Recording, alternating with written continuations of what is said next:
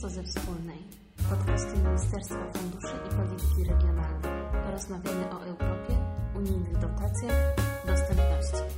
Bądźcie z nami. Dzień dobry, witamy Państwa w kolejnym odcinku naszego podcastu Prosto ze Wspólnej. Ministerstwo Funduszy i Polityki Regionalnej zapewne kojarzy się naszym słuchaczom głównie z funduszami europejskimi. I słusznie, ale to nie jedyny zakres obowiązków resortu przez wspólnej 2 przez 4. Ważną częścią naszej pracy jest także rozwijanie sektora inwestycji, które powstają w formule partnerstwa publiczno-prywatnego. O tym, czym jest partnerstwo publiczno-prywatne, w skrócie PPP, i jakie są perspektywy dla tego sektora, porozmawiam dziś z moimi gośćmi, panem Waldemarem Budą, sekretarzem stanu w Ministerstwie Funduszy i Polityki Regionalnej oraz pełnomocnikiem rządu do spraw partnerstwa publiczno-prywatnego, a także panią Lilianną Bogusz, dyrektor Departamentu Partnerstwa Publiczno-Prywatnego w Ministerstwie. Myślę, że na początku jesteśmy winni naszym słuchaczom wyjaśnienie, czym jest właściwie partnerstwo publiczno-prywatne, bo nazwa jest długa, a sam termin dość skomplikowany. Pani dyrektor, o co chodzi w PPP? Partnerstwo publiczno-prywatne e, to jest forma realizacji przedsięwzięć inwestycyjnych powiązanych ze świadczeniem e, szeroko pojętych usług publicznych jako rozwiązanie alternatywne dla klasycznych zamówień publicznych. W praktyce oznacza to tyle, że w ramach PPP zawierany jest wieloletni kontrakt o współpracę pomiędzy podmiotem publicznym i prywatną firmą. I taki kontrakt najczęściej obejmuje budowę jakiegoś obiektu infrastrukturalnego, czyli realizację inwestycji, spalarni odpadów, szkoły, szpitala, drogi. I w ramach tej samej umowy partner prywatny przez kilkanaście, a czasami nawet kilkadziesiąt lat świadczy usługi na bazie tej infrastruktury, czyli zarządza infrastrukturą, utrzymuje tą infrastrukturę, a czasami również świadczy usługi publiczne. I co jest ważne w tej współpracy, ta infrastruktura przez cały okres realizacji umowy pozostaje własnością publiczną. Nie ma tu przeniesienia własności, a podmiot publiczny y, kontroluje jakość świadczonych usług, czyli kontroluje zakres działań partnera prywatnego i w ten sposób realizujemy inwestycje z korzyścią dla społeczeństwa, no bo mówimy o angażowaniu z jednej strony kapitału prywatnego, z drugiej strony wiedzy i doświadczenia partnerów prywatnych w poszczególnych sektorach, który nie zawsze jest domeną podmiotów publicznych.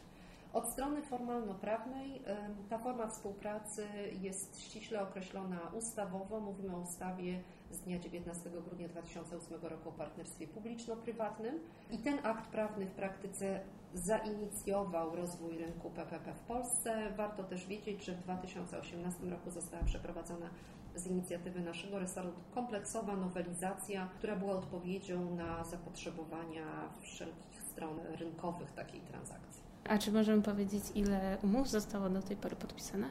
Jako ministerstwo pełnimy funkcję tzw. Tak centralnej jednostki PPP. Prowadzimy mm, bazę umów, ona jest publicznie dostępna. Na stronie internetowej dotychczas zawarto w tej formule 145 umów. E, łączna wartość tych przedsięwzięć to 7,5 miliarda złotych. Ministerstwo Funduszy i Polityki Regionalnej każdego dnia i za pomocą różnych narzędzi e, przybliża możliwości, jakie daje PPP, zarówno podmiotom publicznym, jak i inwestorom prywatnym, o czym powiemy za chwilę. Natomiast, e, jak doskonale wiemy, w ostatnich miesiącach sytuacja gospodarcza znacznie się zmieniła. Skutki pandemii wywołanej przez koronawirus odczuwalne są również na rynku PPP. Ale jak bardzo? Ponad dwa miesiące temu z inicjatywy pana ministra Waldemara Budy odbyła się debata online z udziałem kilkunastu ekspertów reprezentujących polskie i międzynarodowe instytucje oraz firmy zajmujące się doradztwem, budownictwem i finansami. Mimo dynamicznie zmieniającej się sytuacji, w której znalazła się Polska i światowa gospodarka, wnioski z tej debaty były umiarkowanie optymistyczne. Panie ministrze, jak pan ocenia perspektywy dla rynku PPP i inwestycji, które powstają w formule partnerstwa publiczno-prywatnego? I drugie pytanie, jakie szanse i jakie zagrożenia stoją przed tą formułą? W Polsce już widzimy pierwsze skutki e, gospodarcze pandemii, jednak duża część e, sektora publicznego nie rezygnuje z inwestycji, również w formule PPP. Naszej gospodarce e, potrzebny jest motor napędowy, postaci nowych inwestycji, a PPP to możliwość realizacji inwestycji nawet w sytuacji pewnych ograniczeń budżetowych. Musimy zwrócić uwagę, że partnerstwo publiczno-prywatne pozwala na wykorzystanie kapitału prywatnego do prowadzenia inwestycji publicznych, jest zatem doskonałą alternatywą do realizacji inwestycji w formule tradycyjnej, bez konieczności ponoszenia wydatków publicznych w okresie ponoszenia nakładów inwestycyjnych. Wynagrodzenie partnera prywatnego jest odroczone w czasie i rozłożone na okresowe płatności. Formuła PPP w, w Polsce, jak zresztą nigdzie na świecie, nie zastępuje tradycyjnej formy prowadzenia inwestycji, ale powinna być zawsze rozważana jako alternatywa. Zawsze podkreślamy, że PPP nie jest panaceum na wszystkie bolączki inwestycyjne podmiotów publicznych i powinno być stosowane w uzasadnionych przypadkach. Przykładowo nie zawsze opłacalne jest ponoszenie wydatków, dodatkowych kosztów, na przykład związanych z finansowaniem projektu, ale jeśli korzyści z projektu w formule PPP przewyższają jego koszty, PPP jest dobrym e, pomysłem, dobrym wyborem. Musimy mieć też świadomość, że partnerstwo publiczno-prywatne nie jest narzędziem łatwym, ale to atrakcyjne uzupełnienie środków publicznych o kapitał prywatny. E, co szczególnie ważne, zaangażowanie partnera prywatnego często sprzyja sprawnej realizacji inwestycji oraz podniesieniu jakości usług publicznych. PPP daje też większą szansę na realizację inwestycji zgodnie z przyjętym harmonogramem oraz w ramach zakładanego budżetu, e, niż ma to miejsce w przypadku inwestycji w tej formule tradycyjnej. W PPP e, organizujemy jedno postępowanie na wybór partnera e, prywatnego zamiast na przykład kilku przetargów na remonty czy inne usługi związane z inwestycją w ciągu kilkunastu lat. Podmioty publiczne stosując PPP ograniczają swoje ryzyko związane z realizacją i utrzymaniem inwestycji, przenosząc część tego ryzyka e, na partnera prywatnego w sposób racjonalny i dopasowany do możliwości i kompetencji stron. PPP pozwala przekazać również partnerowi prywatnemu te zadania, których podmiot publiczny nie realizuje samodzielnie z uwagi na brak kompetencji, wiedzy eksperckiej czy, czy zasobów.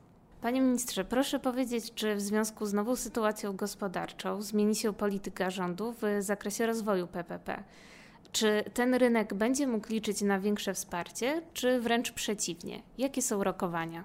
Jesteśmy przekonani, że w dobie spowolnienia gospodarczego wywołanego pandemią, czy w sytuacji ograniczonych innych źródeł finansowania, partnerstwo publiczno-prywatne może pozwolić podmiotom publicznym na realizację planów inwestycyjnych, no mimo zmniejszonych wpływów do budżetów zwłaszcza teraz, gdy będziemy mieli do czynienia potrzebę uzupełnienia środków publicznych na inwestycje no, zabezpieczających podstawowe potrzeby społeczne. W związku z tym polityka e, rządu oczywiście nie ulega tutaj absolutnie e, żadnym e, zmianom.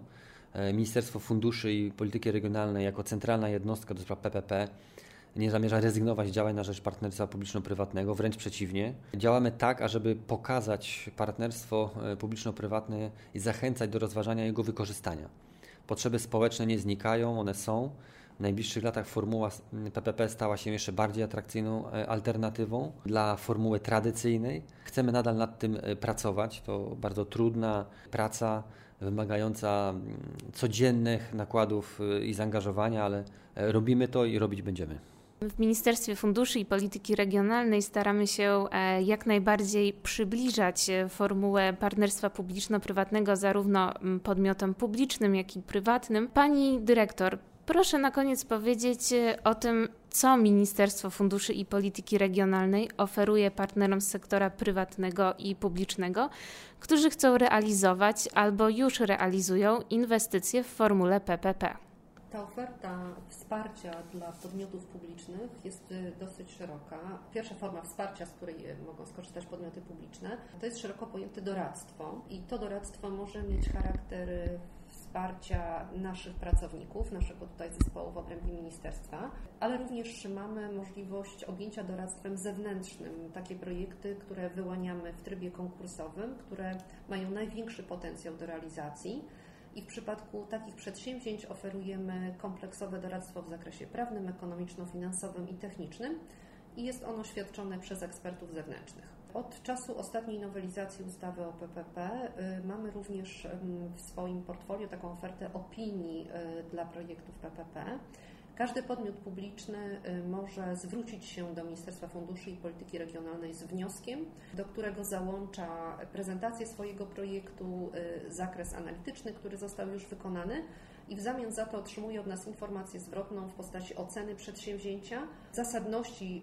wykorzystania formuły PPP do takiego przedsięwzięcia, ale również rekomendacje odnośnie tego, jakie kolejne kroki należy podjąć, żeby takie przedsięwzięcie mogło zakończyć się sukcesem. Dotychczas e, z tych dwóch form wsparcia skorzystało już kilkadziesiąt podmiotów publicznych. W zasadzie na bieżąco współpracujemy z projektami, w ramach których świadczone jest doradztwo, bo nawet jeśli angażujemy ekspertów zewnętrznych, to nasi pracownicy również w te tematy są zaangażowani osobiście i również wpływają do nas prośby o wydanie opinii PPP, na które odpowiadamy w terminach określonych również w ustawie. E, dodatkowo, tak jak za pośrednictwem również tego kanału, staramy się popularyzować wiedzę o partnerstwie publiczno-prywatnym. No naszym, naszą intencją, naszą ambicją jest mówienie o PPP w miarę prostym językiem, a przede wszystkim obalanie mitów.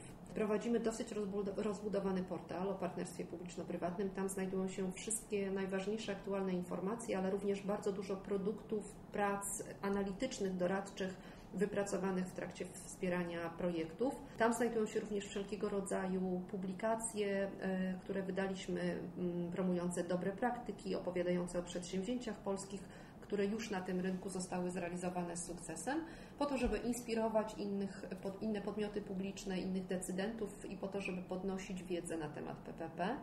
Oferujemy również szkolenia. No, obecna sytuacja epidemiczna e, ograniczyła istotnie naszą działalność polegającą na takich e, szkoleniach bezpośrednich z zaangażowaniem uczestników, aczkolwiek no, jesteśmy gotowi wrócić do tej formy, jak tylko restrykcje związane z ograniczeniem spotkań bezpośrednich zostaną zniesione na poziomie kraju, ale mamy w swojej ofercie interesującą i spotykającą się z, z dużą popularnością platformę e-learningową, E, I tutaj z tej platformy skorzystało już kilkaset osób. Oferta dotyczy trzech etapów szkolenia i widzimy rzeczywiście w trakcie e, panujących ograniczeń, w trakcie pandemii e, bardzo duże zainteresowanie osób sięgających po wiedzę właśnie za pośrednictwem tego narzędzia e-learningowego. W tej chwili, dotychczas, w ostatnim okresie, czyli praktycznie w ostatnich trzech latach, przeszkoliliśmy w ramach takich fizycznych szkoleń ponad 3200 osób z około 850 instytucji.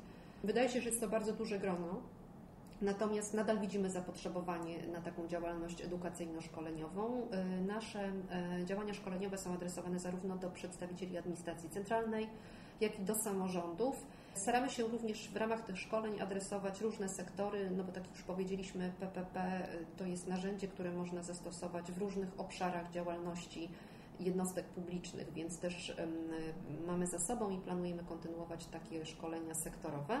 To, co jest też ważne, to opublikowane zostały również wytyczne PPP. To jest taki dokument y, podręcznikowo wytyczający kierunki działań y, i on też jest przygotowany w trzech tomach, prezentujących ścieżkę działania zarówno na etapie przygotowania projektu, później wyboru partnera prywatnego i zawierania umowy PPP i te wytyczne stały już się takim standardem. To jest naprawdę taki praktyczny przewodnik. Wiemy, po niego sięgają bardzo chętnie i podmioty publiczne, i doradcy pracujący w, na etapie przygotowania i realizacji projektów PPP, więc bardzo się cieszymy, że ta praca spotyka się z, z zainteresowaniem. Jest w praktyce stosowany ten, ten, ten dokument. I y, korzystając z okazji, chciałam też wszystkich Państwa zaprosić do udziału w najbliższej konferencji pod hasłem Dobry Klimat w PPP, e, która będzie organizowana 4 września. Wszystko wskazuje na to, że nie będziemy w stanie zorganizować jej w trybie takim tradycyjnym, więc e, wzorując się na doświadczeniach obecnie, sprostając też oczekiwaniom uczestników, prawdopodobnie konferencja będzie miała formę taką online'ową, ale liczymy, że spotka się tutaj z popularnością. Zapraszamy naszych słuchaczy na konferencję Dobry Klimat w PPP. Zachęcamy również do śledzenia najnowszych wiadomości o partnerstwie publiczno-prywatnym na stronie ppp.gov.pl oraz w mediach społecznościowych. Bardzo dziękuję za rozmowę. Dziękuję bardzo. Dziękuję bardzo, życzę miłego dnia. Rozmawiała Anna Cierkowska.